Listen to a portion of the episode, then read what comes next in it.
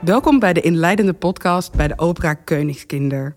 Hierin ga ik, Laura Roling, dramaturg bij de Nationale Opera, in gesprek met repetitor Ernst Munneke. Door zijn betrokkenheid bij deze productie kent hij de muziek door en door. En achter de piano neemt hij ons ook daarin mee. Welkom Ernst, wat fijn dat je er bent. Nou, graag gedaan. Heel leuk. Ehm, we duiken er meteen in, want Engelbert Humperdinck uh, is zeker in Nederland eigenlijk niet heel bekend. Uh, en hij begon zijn carrière um, als assistent van Richard Wagner bij de opera Parsifal. Hij mocht de partituren netjes overschrijven. En uh, dat heeft hij eigenlijk twee jaar lang gedaan.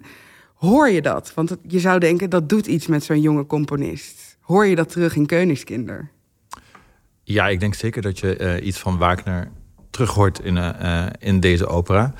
Um, je hoort bijvoorbeeld de hele rijke harmonie met veel chromatiek. Bijvoorbeeld, ik zal een stukje spelen van een van, van mijn favoriete momenten.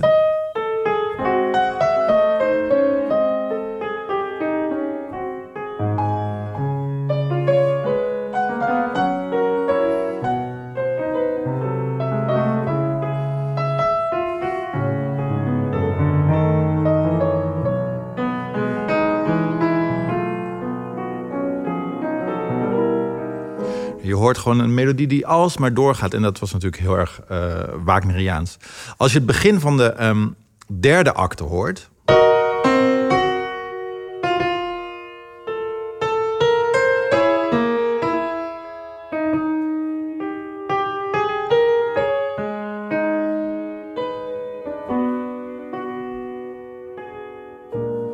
krijg ik nog meer uh, Wagner-associaties met. Ja, en want, want waar, waar zit dat hem in? In die chromatiek? In die... Chromatiek in die, uh, ja, toch uh, harmonieën die altijd, altijd maar doorgaan. Dus je hebt niet alleen maar een harmonie die eindigt, maar je hebt een harmonie die steeds maar doorgaat.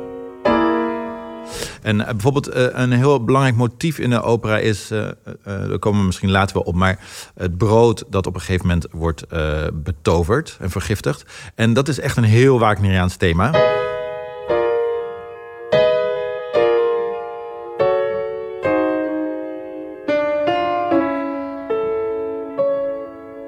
Ik, ik heb daar altijd meteen associaties mee. Dat is trouwens hetzelfde thema als als uh, de, het ganse meisje uiteindelijk, uh, of als beide koningskinderen doodgaan, dan verklap ik het misschien alvast. Maar uh, dan krijg je precies hetzelfde. Dan krijg je...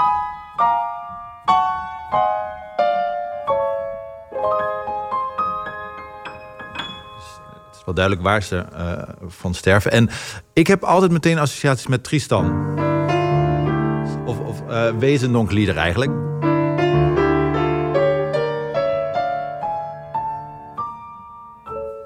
Dat is uh, Tristan, derde acte. En ja, die harmonie die doet gewoon heel erg denken aan uh, Wagner. Daarnaast is het zo dat Humperdinck waanzinnig veel gebruik maakt van leidmotieven. Dus elke persoon, maar ook in dit geval het brood of uh, allerlei um, objecten. objecten krijgen een thema mee. En dat ontwikkelt zich. Bijvoorbeeld dit brood, wat ik net liet horen. Dat, kan, daar bestaat ook een snelle versie van. En elke keer als het woord brood komt, hoor je dat. Maar ook als het woord niet komt, maar het misschien in het onderbewuste van de persoon in kwestie speelt. En, en dat is het hele uh, idee van die leidmotieven van Wagner. En Humperdinck gebruikt dat. Uh, ik ken eigenlijk weinig andere mensen die het precies op dezelfde manier als Wagner gebruiken. Bijvoorbeeld um, een voorbeeld, een, zwaard. Um, als, als hij het over zijn zwaard heeft hoor je dat. Uh, iets heel erg uh, ma majestueus, want uh, het is gewoon een grote, grote drieklank. Maar als je het vergelijkt met bijvoorbeeld Wagner...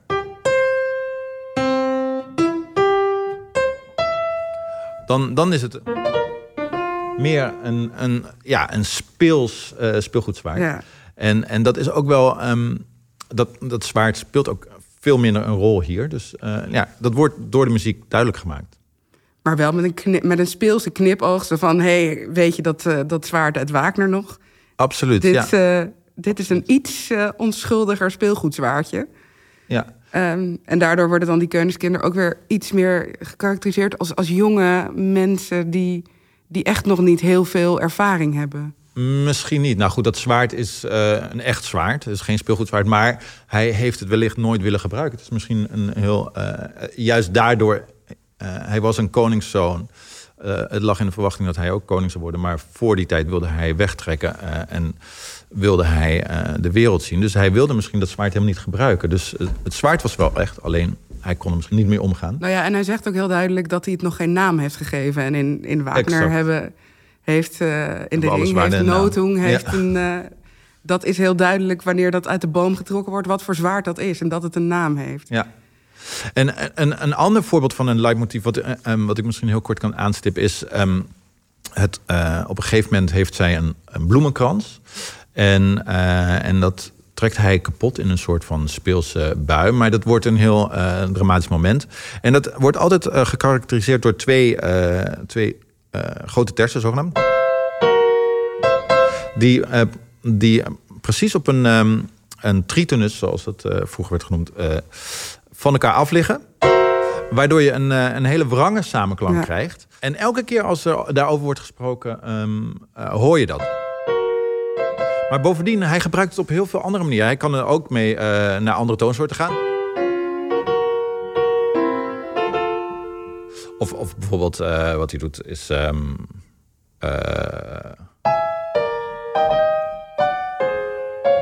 enzovoort. Dus hij, hij kan daar heel erg mee omgaan. Op een gegeven moment hebben ze echt een ruzie dan hoor je. hoor precies hetzelfde uh, moment weer. En op andere momenten, als hij echt in paniek is, je.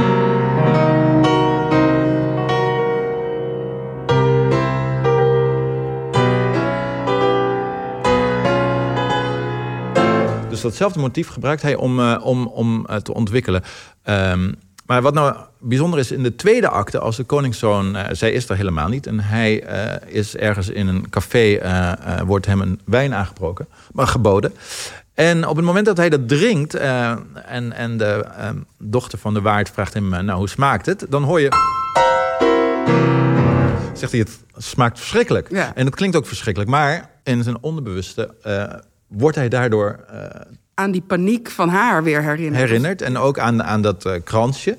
En vervolgens realiseert hij zich dat het feit dat hij in de eerste acte van haar weg is gelopen... dat het wellicht uh, fout was geweest. En dan gaat hij met diezelfde melodie... Er wordt in één keer een hele mooie melodie.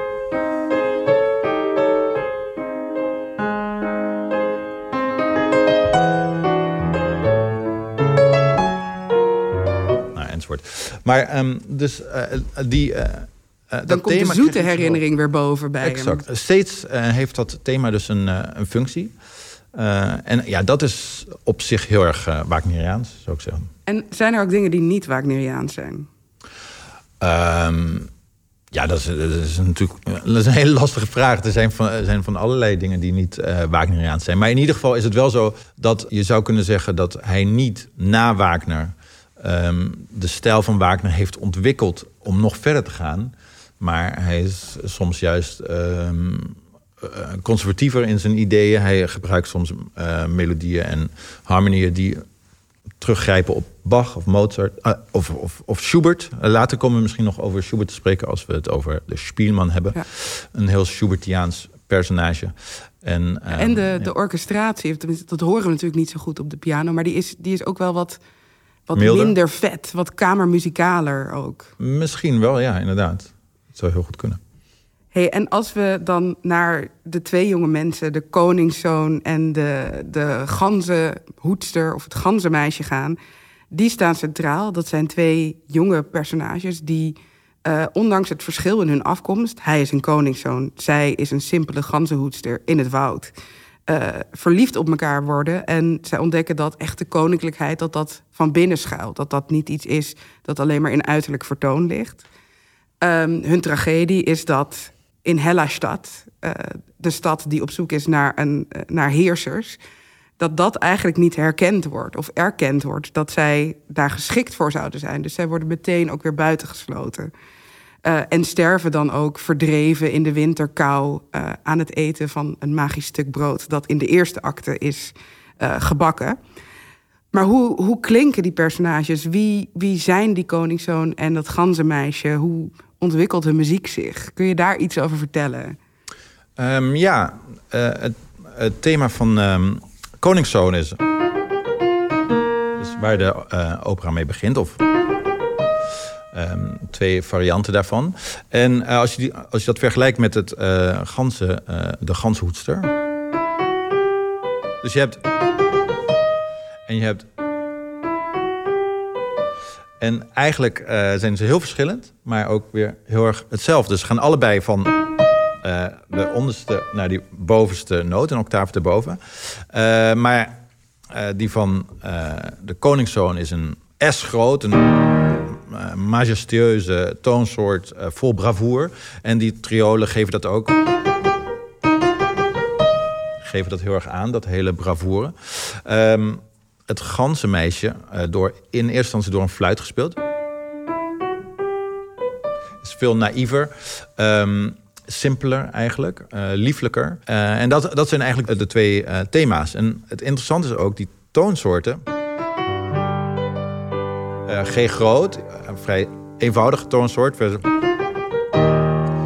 Versus, S, een bravoer, een koningsachtige toonsoort. En uh, ik loop misschien op de dingen vooruit, maar helemaal aan het eind... dan, uh, dan, dan zijn, is hij eigenlijk afgedaald naar haar situatie. Hij wil geen koning meer worden en ze zijn bovendien allebei erg moe uh, van de winter. Uitgeput. En, en hij zegt ook, nu ben ik ook een bedelaar. Precies dus dat... dat. En dan uh, helemaal aan het eind doet hij nog één uh, koningsdaad, zo zegt hij dat.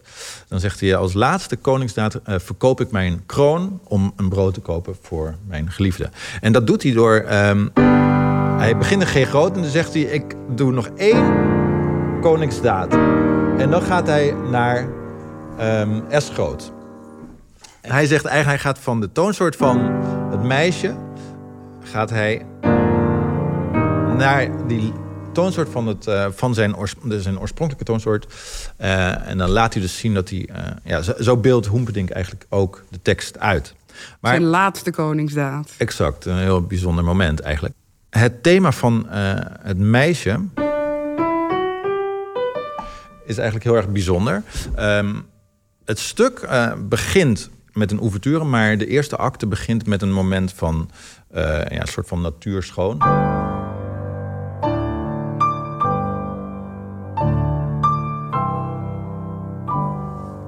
Vervolgens hoor je die melodie van het meisje. En ergens later in de tweede acte, als die koningszoon weer aan die situatie denkt, dan versmelten die uh, twee dingen zich. Dus dan hoor je. Um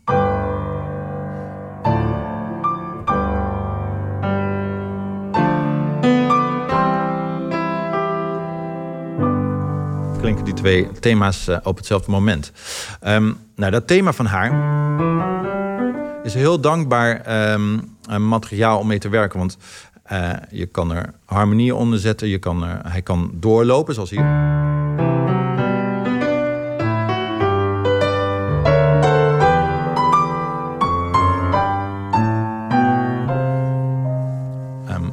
En wat ook heel mooi kan, is je kan hem omkeren. En dat gebeurt ook op het moment dat zij in, uh, in het water kijkt en zich realiseert hoe mooi ze is. Dan uh, wordt de melodie. dan kijkt ze in het water en dan hoor je.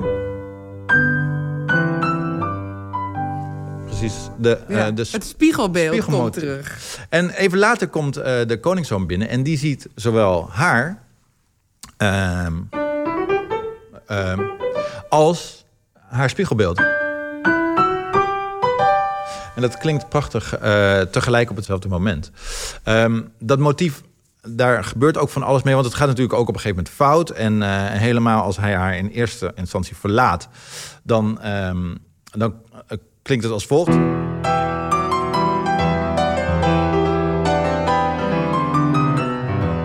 Dus, en ze zegt ook, er staat in de tekst... sie stürzt zu boden, Ze valt op de grond. En dat hoor je ook heel erg duidelijk. Eh, dan vervolgens in de tweede acte komt ze binnen als koningin. En dan is het weer een...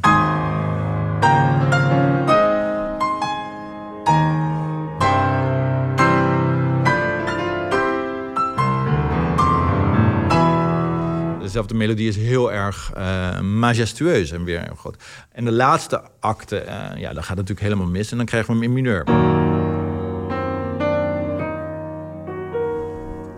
We dezelfde melodie. Um, zijn melodie, of uh, ook in een andere versie, vol bravoer, die heeft een staartje. En dat staartje, dat krijgt ook eigenlijk een, eigenlijk een staartje. Want. Um...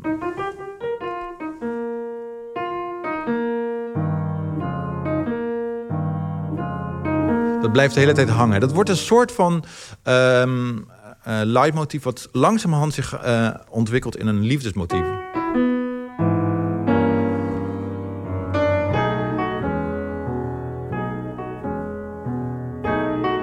En als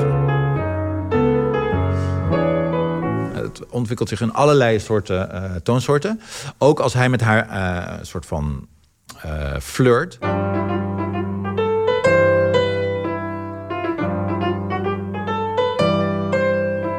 Datzelfde motief weer. En in de derde acte, als het echt misgaat... en ze hebben allebei nog een herinnering, hoor je...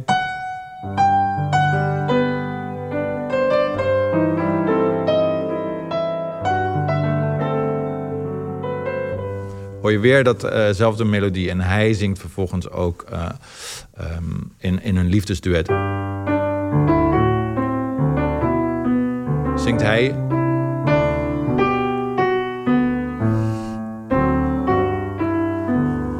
Doe taakholde, doe nachtsüße. Prachtige... Um... Wagneriaanse taal ook wel. Ja, dat ook heel erg. En uh, we hebben dan ook nog de Spierman. De, hij is een, een, een kunstenaar, een, een zanger, een muzikant. Hij loopt ook de hele tijd met zijn vedel rond. Daar, wat, wat, hoe klinkt hij?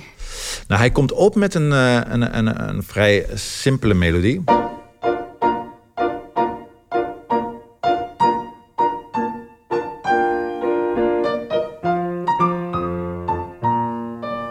Eigenlijk een lied, een bestaand lied. Wat wel interessant is, dat uh, hij is een soort tegenhanger van, van de heks... die ook een belangrijk uh, functie speelt in het verhaal. En die zingt dit. Dus dat, is, dat uh, zijn echt uh, ook muzikaal ja. zijn het tegenhangers. Maar hij komt daarmee op en dan op een gegeven moment uh, komt hij binnen... en dan um, ja, heeft hij eigenlijk een soort heel contrapuntisch...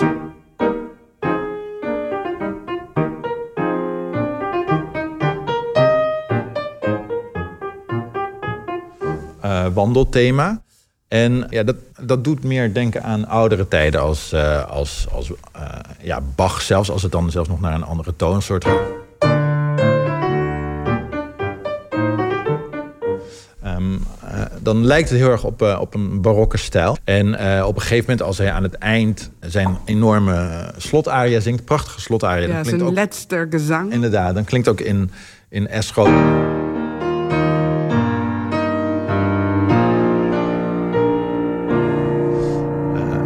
Klinkt heel erg um, groots. En, en op, op, op datzelfde moment, um, uh, dat, dat thema. klinkt op een gegeven moment met een thema um, uh, wat heel erg belangrijk is. Een, een thema wat uh, wordt gebruikt als het ganse meisje het heeft over de zegening van boven of zegening van de natuur. Of op een gegeven moment heeft zij een gebed waarin ze haar overleden ouders uh, aanroept. En dat.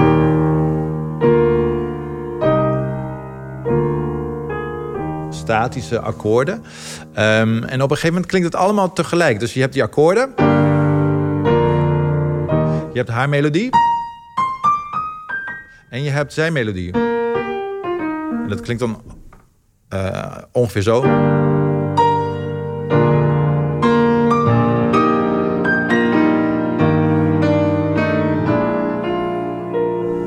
Dat is op zich natuurlijk al heel, um, ja, ook heel Wagneriaans en heel breed gecomponeerd en ingenieus. En, we horen er soms ook, zeker in die Spielman, een beetje Schubert.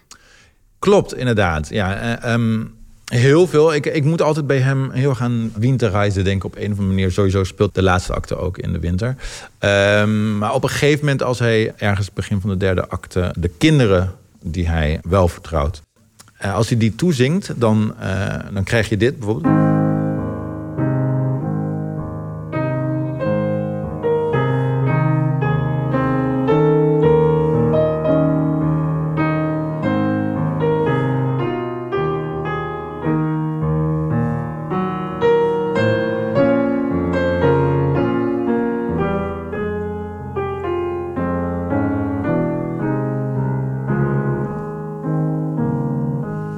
Dat zou inderdaad zo een uh, Schubertlied uh, kunnen zijn eigenlijk. Ja. En dan zitten er ook nog uh, in het stuk een paar kleine details. zoals de ganzen. Die, wie er goed luistert, kan die ook horen. Klopt. Elke keer als er over ganzen wordt gesproken, klinkt een, een secunde. Twee noten die naast elkaar liggen. En... Um, ja, als je een gans hoort, dan dat klopt ook wel redelijk. Uh, zo klinkt een gans. En uh, vaak wordt, wordt dan. Uh, worden ze zo herhaald. En ja, eigenlijk elke keer als er over gans wordt gesproken, klinkt dat. Hoor je ze als het ware rondhupsen? Ja, absoluut. En soms ook met, ook met die melodie van de koningszoon.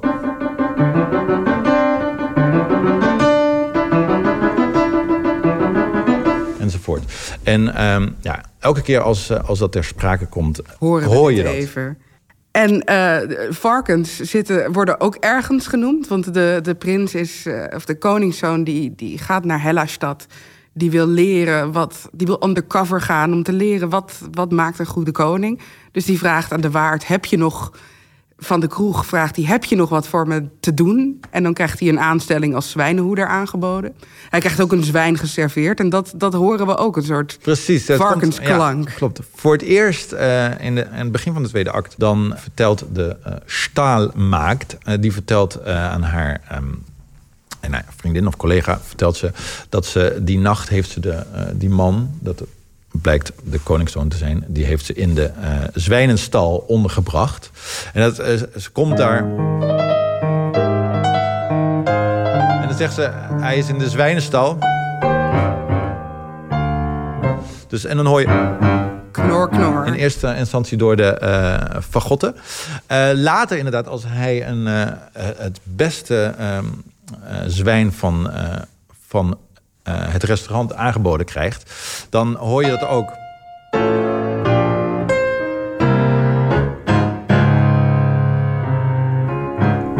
Hoor je uh, heel erg prominent. En, uh, en ook later, als, als, als er over hem wordt gesproken, elke keer als er over hem wordt gesproken als de zwijnenhoeder, hoor je altijd.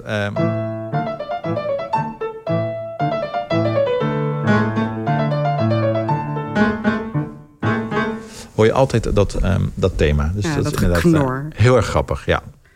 En in de, in de derde acte, uh, je hebt al iets gezegd over de opening, dat we in het bos komen, dat we in het natuurgeluid zitten. In de derde acte is het niet meer lente of, of zomer, maar zitten we in de harde winter. Hoe, hoe klinkt dat? Het sneeuwt, ja. het. Op een gegeven moment zegt hij inderdaad, uh, de Spielman die zegt op een gegeven moment... de, de vlokken vallen en het uh, das Wasser eist. En, en dan hoor je die vlokken ook.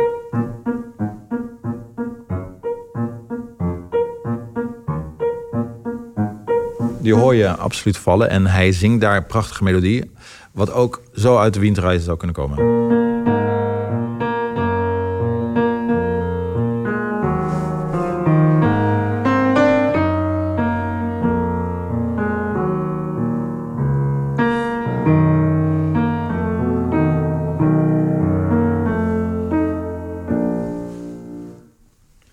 Ja, dat, dat, daarmee wordt uh, de, de winter ook echt. Uh... Ja, dus het landschap, dat zie je niet alleen op het podium, dat, dat hoor je ook. Dat zit in uh, iedere vezel van die muziek. Precies, precies.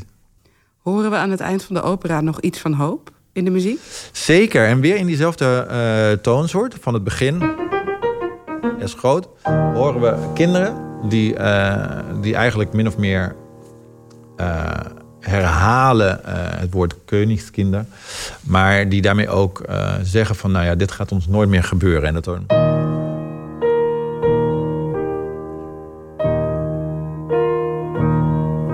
Dus je hoort daar een, die toonsoort die dan in één keer heel warm ja. is. En uh, ja, daar hoor je absoluut hoop. En nou ja, of tenminste. Je hoort die kinderen in ieder geval de intentie uitspreken om het niet zo te doen als hun ouders. Precies, ja. En dat hopen we maar dat, dat ze zich daaraan houden. Um, ik denk dat we eindeloos nog door kunnen praten, omdat het, het is. Het zit zo goed doorvrocht in elkaar, die hele uh, partituur, die hele compositie. Dat, dat vind jij ook, toch? Absoluut. En uh, als je ermee bezig gaat, je, je kan er mee bezig blijven. En dat vind ik zelf altijd wel een soort van indicatie dat een stuk ook echt goed is en de moeite waard. Dat, dat het nooit gaat vervelen. Dat elke keer als je het hoort, dat je nieuwe dingen hoort. Uh, dat je nooit denkt van, oh, niet nog een keer. Maar dat je denkt, oh yes, nog een keer. En um, ja, ik moet eerlijk zeggen, ik ken dit stuk helemaal niet. Uh, ken ik wel van Hans und Gretel.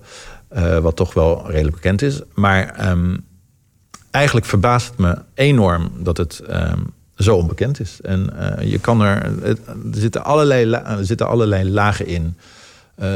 Je kan heel diep gaan, maar ook de eerste oppervlakkige versie, eh, als je het voor het eerst hoort, is ook gelijk melodieus, mooi, prachtig, indrukwekkend.